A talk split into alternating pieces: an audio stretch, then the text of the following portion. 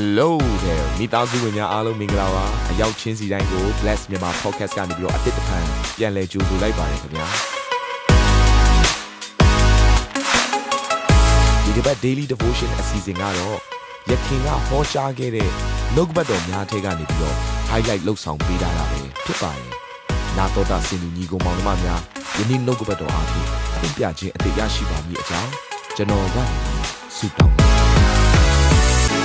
130နဲ့3ခုမြောက်သောစာလံခန်းငယ်1ကနေ3တိဖြစ်တယ်ကျမတို့တွေ့မယ်ဆိုရင်အတူကဖတ်ရအောင်နော်ညီကိုတို့သည်သဘောတူလျက်ပေါင်းဖော်ကြသည့်အရာမှာအလွန်ကောင်းပြီအလွန်တင့်တယ်လျှောက်ပတ်ပြီအာယုံဤခေါင်းပေါ်မှာလောင်းလျက်သူဤမုတ်စိတ်သို့စီး၍လေစွတ်တန်အောင်ကြသောနန္ဒစီကဲ့သို့ဖြစ်၏ ဟေရမုန်တောင်နှင့်ဇီးုံတောင်ရိုးပေါ်သို့ကျသောနှင်းကဲ့သို့ဖြစ်၏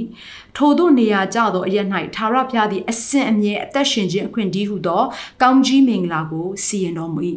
အဲ့တော့နှုတ်ကပတ်တော်ကဘာပြောနေလဲဆိုတော့သဘောတူလျက်ပေါင်းဖော်ကြတဲ့အရာမှာတဲ့ညီကိုချင်းသဘောတူလျက်ပေါင်းဖော်ကြတဲ့အရာအလွန်ကောင်းနေတဲ့ အဲ့ဒါကဘာကိုဆိုလိုနေလဲဆိုတော့ညီကိုတွေကပေါင်းတော့ပေါင်းဖော်ကြပါတယ်တယောက်နဲ့တယောက်သဘောတူနိုင်ဖို့ရန်အတွက်တယောက်နဲ့တယောက်လက်ခံနိုင်ဖို့ရန်အတွက်အလွန်ခက်ခဲတဲ့အတွက်ကြောင့်မလို့ဒီနေ့ဘုရားရဲ့နှုတ်ကပတ်တော်ထဲမှာတတိပေးနေတယ်အဲ့ဒါကဘာလဲဆိုတော့ညီကိုတွေတယောက်နဲ့တယောက်ရိုးရိုးတန်းတန်းပေါင်းဖော်တာမဟုတ်ဘဲနဲ့တယောက်တယောက်တစ်လုံးတွတဲ့ဖြစ်တဲ့ပေါင်းဖော်ခြင်းထဲမှာရှိဖို့ရန်အတွက်ဘုရားကအလိုလိုရှိတယ်ဒါပေမဲ့အခုယုံကြည်သူတွေရဲ့အသက်တာထဲမှာကြည်လိုက်တဲ့အခါမှာခရိယန်လောကတစ်ခုလုံးရဲ့အသက်တာတွေကိုကြည်လိုက်တဲ့အခါမှာ ဝမ်းနည်းစရာကောင်းတဲ့အရာတစ်ခုကဘာလဲဆိုတော့ဒီလိုမျိုးယေရှုခရစ်တော်ပြန်ကြွလာမယ့်အချိန်ကာလမှာ တဖြည်းဖြည်းနဲ့ဆုပ်ယုပ်လာတဲ့အရာကတယောက်နဲ့တယောက်တင့်တင့်စွာတလုံးတဝတယ်ပေါင်းဖို့ခြင်းအရာဟာဆုပ်ယုပ်လာတယ်ဆိုတဲ့အရာကိုအဲနေရာအသီးသီးမှာကျမတို့မြင်တွေ့နိုင်ပါတယ်เนาะကျမကျမမြင်တွေ့တယ်လို့နေရာအသီးသီးမှာလည်းတခြားနိုင်ငံတွေမှာလည်းဒီအရာတွေကိုမြင်တွေ့ရပါတယ်ဒါကြောင့်မလို့ဒီနေ့ဘုရားရှင်ကဘာပြောနေလဲဆိုတော့သဘောတူလဲပေါင်းဖော်တက်ဖို့ရန်အတွက်ကအလွန်အရေးကြီးရလို့ပြောထားတယ်အဲ့လိုပေါင်းဖော်ခြင်းရှိမှပဲသဘောတူပြီးတော့ပေါင်းဖော်ခြင်းရှိမှပဲတဲ့ဘာ တက်ရောက်မလဲဆိုတော့အာယုံခေါင်းပေါ်မှာလောင်းနဲ့ရှိတဲ့နန့်တာစီကဲ့သို့ဖြစ်မယ်ဆိုလိုချင်တဲ့အဓိပ္ပာယ်ကလောင်းနဲ့စီဆိုတဲ့အဓိပ္ပာယ်ကဘုရားသခင်ရဲ့ဗိသိက်သွန်းလောင်းခြင်းဘုရားသခင်ရဲ့ဝိညာဉ်တော်သွန်းလောင်းခြင်းကိုဆိုလိုခြင်းနဲ့ဖြစ်တယ်။ဒါဆိုကျမတို့မြန်မာနိုင်ငံပြောင်းလဲဖို့ရဲ့အတွက်ပြီးတော့ကျမတို့ရဲ့မိသားစုတွေပြောင်းလဲဖို့ရန်အတွက်ကျမတို့ရဲ့အသင်းတော်တွေတာ၍နိုးထခြင်းရှိဖို့ရန်အတွက်လှုပ်ဆောင်ရမယ့်အရာတစ်ခုကဘာလဲဆိုတော့ သဘောတူညီစွာတလုံးတွတဲ့တူအတူရှိတတ်ဖို့ရန်အတွက်ဒီနေ့ဖရားရှင်အနှုတ်ကပတ်တော်အပြင်ဖော်ပြနေခြင်းဖြစ်တယ်။အဲ့လိုမျိုးတလုံးတွတဲ့ရှိခြင်းဟာတဲ့ဟေရမုန်တောင်နဲ့ ဇီးုံတောင်ရောပေါ်သို့ကြတော့နှင်းကဲ့သို့ဖြစ်တယ်တဲ့အဲ့ဒီအရာကအစင်အမြဲအသက်ရှင်ခြင်းနဲ့ဆိုင်တဲ့ကောင်းကြီးမင်္ဂလာကိုလည်းရရှိစီမယ်လို့ပြောထားတယ်အဲ့တော့ကျွန်မဒီဟေရမုန်တောင်နဲ့ဇီးုံတောင်ရိုးဆိုတဲ့အကြောင်းအရာကိုကျွန်မပြန်ပြီးတော့နှုတ်ကပတ်တော်ထဲမှာကြည်တာတွေမကပဲねကိုကိုတိုင်းသွားရောက်ပြီးတော့လေ့လာတဲ့အခါမှာကျွန်မအထူးသဖြင့်ဟေရမုန်တောင်နဲ့ပတ်သက်ပြီးတော့ကျွန်မလေ့လာဖြစ်တယ်ကျွန်မအစ္စရေးကိုသွားတဲ့အခါမှာကိုလန်ကုန်းမြစ်ရဲ့ကိုလန်ကုန်းမြစ်ပေါ်ကိုတက်တယ်ကိုလန်ကုန်းမြစ်ရဲ့တစ်ဖက်တစ်ချက်မှာမရှိလဲဆိုလို့ရှိရင်ဟေရမုန်တောင်ရှိတယ်အဲ့ဒီဟေရမုန်တောင်ကနှင်းနေနဲ့ဖုံးလွှမ်းပြီးတော့အရန်လှပတဲ့အဲတောင်တစ်ခုဖြစ်တယ်။ဒါပေမဲ့အဲ့ဒီနှင်းနေတာအရေးပျော်သွားပြီဆိုရင်သူကဘယ်ကိုစီးဆင်းလဲဆိုတော့ဂါလိလဲအိုင်တဲကိုစီးဆင်းတယ်။အဲ့ဒီဂါလိလဲအိုင်တဲကိုစီးဆင်းပြီးတဲ့နောက်ပိုင်းမှာခြားမြစ်တွေနော်တခြားအမြစ်အဖြာဖြာကနေပြီးတော့မှဂါလိလဲအိုင်တဲကိုစီးဆင်းတယ်စီးဆင်းပြီးတော့မှ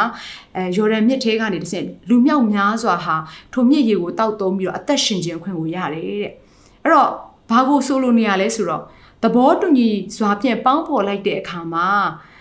တစ်ဖက် ဘေးနားမှာရှိတဲ့သူတွေတယောက်ချင်းဆိုင်ရဲ့အသက်တာထဲမှာလည်းအဲ့ဒီသဘောတည်ညွတ်ခြင်းပေါင်းစည်းခြင်းတလုံးတဝတဲ့ဖြစ်ခြင်းထဲကနေထွက်ပေါ်လာတဲ့ကောင်းကြီးမင်္ဂလာကိုတခြားသူတွေကလည်းခံစားရတယ်လို့ပြောပြနေခြင်းဖြစ်တယ်။တနည်းအားဖြင့်အသက်ရှင်ခြင်းနဲ့ဆိုင်တဲ့မင်္ဂလာဟာစီစဉ်လာမယ်လို့ပြောနေခြင်းဖြစ်ပါတယ်။ဒါဆိုရင်ဒီလိုမျိုးတလုံးတဝတဲ့ဖြစ်နိုင်ဖို့အတွက်ကလွယ်သလားဆိုတော့မလွယ်ပါဘူး။ဘယ်အထဲမှာပဲတလုံးတဝတဲ့ဖြစ်နိုင်တယ်လဲဆိုရင် ကျမတို့ဂလာတိအခန်းကြီး3ထဲမှာဗာပြောထားလဲဆိုရင်ခရစ်တော်အထဲထဲမှာတော့တလုံးတဝတည်းဖြစ်နိုင်နေတဲ့ဆိုတော့ခရစ်တော်အထဲထဲကိုကျမတို့မရောက်သေး၍ခရစ်တော်အထဲထဲမှာမနေတတ်သေး၍ခရစ်တော်နဲ့မိတ္တဟာယမဖွဲ့တတ်သေး၍ကျမတို့အားလုံးဟာတလုံးတဝတည်းမရှိဘဲနဲ့ကွဲပြားခြင်းတွေရှိနေမှာဖြစ်တယ်။သူကတော့ယောက်ျားမို့လို့သူကတော့မိန်းမမို့လို့သူကတော့ဒီလူမျိုးဖြစ်လို့သူကတော့ဟိုလူမျိုးဖြစ်လို့ဆိုပြီးတော့တယောက်ချင်းစီတိုင်းဟာကွဲပြားခြင်းထွက်ပေါ်လာနိုင်တယ်။အဲ့ဒီကွဲပြားခြင်းထဲမှာဘာအကျိုးเนาะတကယ်စိုးကျိုးရလက် ပါလာလဲဆိုတော့အသက်ဆုံးရှုံးခြင်းနဲ့ဆိုင်တဲ့ပြိုလဲခြင်းနဲ့ဆိုင်တဲ့တကယ်ကိုအမင်္ဂလာနဲ့ဆိုင်တဲ့အရာတွေတက်ရောက်လာနိုင်တယ်။ယုံကြည်သူများဒီအချိန်မှာကျွန်တော်တို့တယောက်ချင်းစီဟာတယောက်နဲ့တယောက်တညီတညွတ်သေးတလုံးတဝတည်းမရှိဘူးဆိုရင်ကျွန်တော်တို့မြန်မာနိုင်ငံမှာခရိယန်သာသနာကြီးဟာတဖြည်းဖြည်းနဲ့ဆုပ်ယူသွားနိုင်ကြအကြောင်းရှိပါတယ်။ဒါကြောင့်မို့ကျွန်တော်တို့ရဲ့ညီကောင်မတယောက်ချင်းစီတိုင်းလုပ်ရမယ့်အရာကတယောက်နဲ့တယောက်ဂုံပြိုင်ခြင်းနေမဟုတ်ဘူး။ အိုးငါဆိုတဲ့အရာငါငါပဲကောင်းတယ်ငါပဲတက်နိုင်တယ်ငါပြောတာကမှအမှန်ငါလောက်ရက်ကမှအကောင်းဆုံးဆိုတဲ့နှလုံးသားတွေမရှိတော့ဘဲနဲ့အော်ကိုဘေးနားမှာရှိတဲ့ညီကိုချင်းပြောတဲ့စကားတွေကဘာတွေလဲညီကိုချင်းတော့ဖြစ်စေခြင်းတဲ့အရာကဘာလဲကိုညီကိုချင်းထဲမှာရှိတဲ့သူ့ရဲ့ခံစားချက်ကဘာလဲဆိုတဲ့အရာကိုကျမတို့က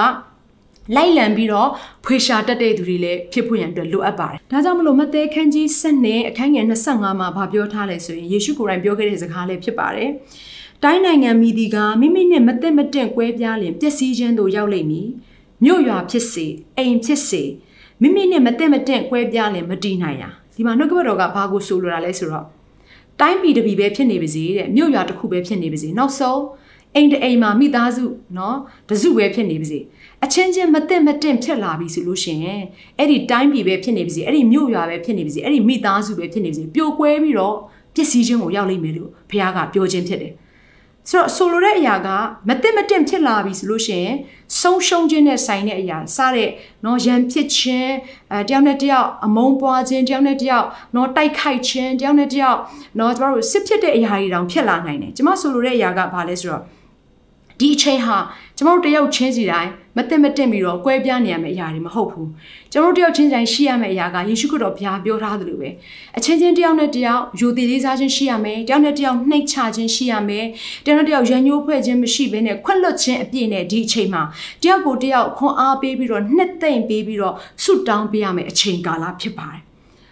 ဒါယေရှုပြောထားပြီးပြီတိုင်းနိုင်ငံပဲဖြစ်နေပါစေမြို့ရာပဲဖြစ်နေပါစေအိမ်တအိမ်ပဲဖြစ်နေပါစေနောက်ဆုံးအိမ်တအိမ်လို့ပြောတဲ့အခါမှာဇနီးမောင်နှံနှစ်ယောက်ကြားထဲမှာလည်းဒီအတိုင်းပဲဖြစ်တယ်ဇနီးမောင်နှံနှစ်ယောက်ကမသိမတင့်ကွဲပြားမယ်ဆိုလို့ရှင်ရင်ကိုယ့်ရဲ့သားသမီးတွေကလည်းနော်အဖေစီပြေးရမလားအမေစီပြေးရမလားအဖေကိုပဲအားကိုးရမလားအမေကိုပဲအားကိုးရမလားဆိုရဲအခြေအနေတွေတောင်ဖြစ်လာနိုင်တယ် နောက်ဆုံးစီးပွားရေးလုပ်ငန်းတစ်ခုကိုလုပ်တယ်ပဲဆိုပါအောင်အဲ့ဒီစီးပွားရေးလုပ်ငန်းမှာလည်းဆိုတော့ဆိုတထေးချင်းချင်းတွေဒါမှမဟုတ်ခေါင်းဆောင်ချင်းချင်းတွေကတယောက်နဲ့တယောက်ရံပတ်ပြုတ်နေတယ်ဆိုလို့ရှင်အောက်ကနောက်လိုက်ငယ်သားတွေလည်းမပျော်ရွှင်လာတဲ့အခါမှာအဲ့ဒီစီးပွားရေးလုပ်ငန်းလည်းပြိုလဲမှာပဲဖြစ်တယ်အဲ့တော့ကျွန်မပြောချင်တဲ့အရာကတလုံးတွရတဲ့ဖြစ်ချင်းဟာဘလောက်အထိအရေးကြီးသလဲဆိုတာကိုကျွန်မဖော်ပြနေခြင်းဖြစ်တယ်ဒါကြောင့်မလို့ရှင်ဟောင်းခရစ်အခန်းကြီး16မှာ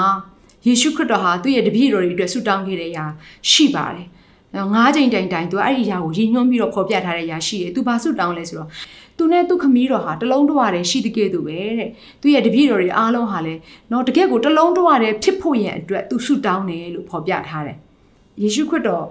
ရဲ့တပြည့်တော်တွေအားလုံးဟာတယောက်နဲ့တယောက်နော်သူတလူငါတမင်းနဲ့တယောက်ပေါ်တယောက်ပို့ပြီးတော့ကြီးမြတ်ချင်ကြတဲ့အရာတွေကိုသူမြင်တဲ့အခါမှာသူနားလေတဲ့အရာသူရဲ့တပြည့်တော်တွေအားလုံးတလုံးတဝရယ်ရှိဖို့ရန်အတွက်ဒီအရာကိုသူကမျှော်လင့်ခြင်းဖြစ်တယ်။ဘာဖြစ်လို့လဲဆိုတော့နောက်လာမယ့်အနာဂတ်မှာ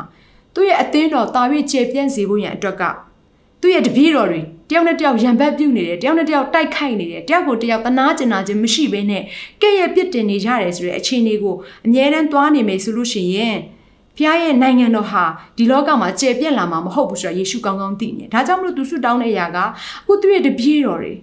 တလုံးတဝရဖြစ်ဖို့ရတဲ့သူဆုတောင်းခဲ့ခြင်းဖြစ်တယ် မဿဲအခန်းကြီး6မှာလေသူဘာပြောထားလဲဆိုလို့ရှင်အဲ့ဒီတလုံးတွရတဲ့ဖြစ်ခြင်းဟာဘလောက်ထိအရေးကြီးသလဲဆူတောင်းတဲ့အခါမှာပဲဖြစ်ဖြစ်เนาะအမှုတော်ဆောင်တဲ့အခါပဲဖြစ်ဖြစ်အဲ့ဒီတလုံးတွရတဲ့ဖြစ်ခြင်းထဲကနေအလုံးလုံးတက်ဖွင့်တဲ့ယေရှုခရစ်တော်ကတခုသင်ပေးခဲ့တယ်အဲ့ဒါဘယ်ထဲမှာသင်ပေးခဲ့တယ်လဲဆိုတော့ Lord's Prayer ထဲမှာ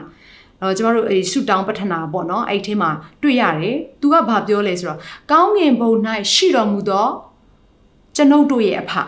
ကျွန်ုပ်တို့ရဲ့အဖလို့ပြောကြတဲ့ကသူကတလုံးတဝတည်းရှိခြင်းတွေကနေပြီးတော့ဘုရားသခင်ထံကိုတိုးဝင်ချင့်ကပ်ခြင်းဆိုတဲ့အကြောင်းအရာကိုပြောနေခြင်းဖြစ်တယ်။ကိုတယောက်တည်းကောင်းနေတာမဟုတ်ဘူးကိုတယောက်တည်းအဆင်ပြေနေတဲ့အရာမဟုတ်ဘူးကိုတယောက်တည်းပျော်ရွှင်နေဖို့မဟုတ်ဘူးဒီနေ့ဘုရားကဘာပြောထားလဲဆိုလို့ရှိရင်ဝမ်းနေသောသူတို့နဲ့အတူဝမ်းနေတတ်ရမယ်။ဝမ်းမြောက်တဲ့သူတွေနဲ့အတူဝမ်းမြောက်တတ်ခွင့်တဲ့ဘုရားကပြောပြထားတယ်။အဓိပ္ပာယ်ကကျွန်တော်တယောက်ချင်းစီတိုင်းဟာ တလုံးတဝရဲဖြစ်ပြီးတော့ကိုပျော်နေတဲ့အချိန်မှာလည်းသူ့ကိုပျော်ရွှင်စေဖို့ရန်အတွက်ကိုဝမ်းနေနေတဲ့အချိန်မှာလည်းကိုကိုလာနှစ်သိမ့်ပေးတဲ့သူတွေရှိဖို့ရန်အတွက်အဲ့ဒီတလုံးတဝရဲဖြစ်ခြင်းတွေကမိသားစုသဘောကိုဘုရားသခင်ကတိဆောက်ပေးခြင်းတာဖြစ်တယ်။အဲ့ဒီလိုမျိုးတလုံးတဝရဲဖြစ်လာပြီဆိုခိုင်ခက်တဲ့မိသားစုဖြစ်လာပြီးတော့မာနရဲ့နှောက်ယှက်ခြင်းမာနရဲ့နော်တကိုးတွေကိုစန့်ကျင်နိုင်တဲ့အစွမ်းတတ္တိကိုကျမတို့ကဘုရားရှင်စီကနေရရှိမှာဖြစ်တယ်။ဒါကြောင့်မလို့အခုနစာလန်133ထဲမှာပြောသွားတဲ့အတိုင်းပဲ ညီကိုချင်းသဘောတူပြီးတော့ကျမတို့ပေါင်းဖော်တဲ့အခါမှာအစင်အမြဲအသက်ရှင်ခြင်းနဲ့ဆိုင်တဲ့ကောင်းကြီးမင်္ဂလာကိုငါစီရင်မယ်တဲ့မဖြစ်မနေရမယ်ကောင်းကြီးမင်္ဂလာဖြစ်တယ်ဒါကြောင့်မလို့ညီကိုမောင်မများဒီအချိန်မှာကျွန်တော်တို့တယောက်ချင်းစီတိုင်းတလုံးတစ်ဝတည်းဖြစ်ပွင့်ရတဲ့ဘု து ထံကိုပြန်လှည့်ရမယ်ဆိုခရစ်တော်ထံကိုပဲလှည့်ရမှာဖြစ်တယ်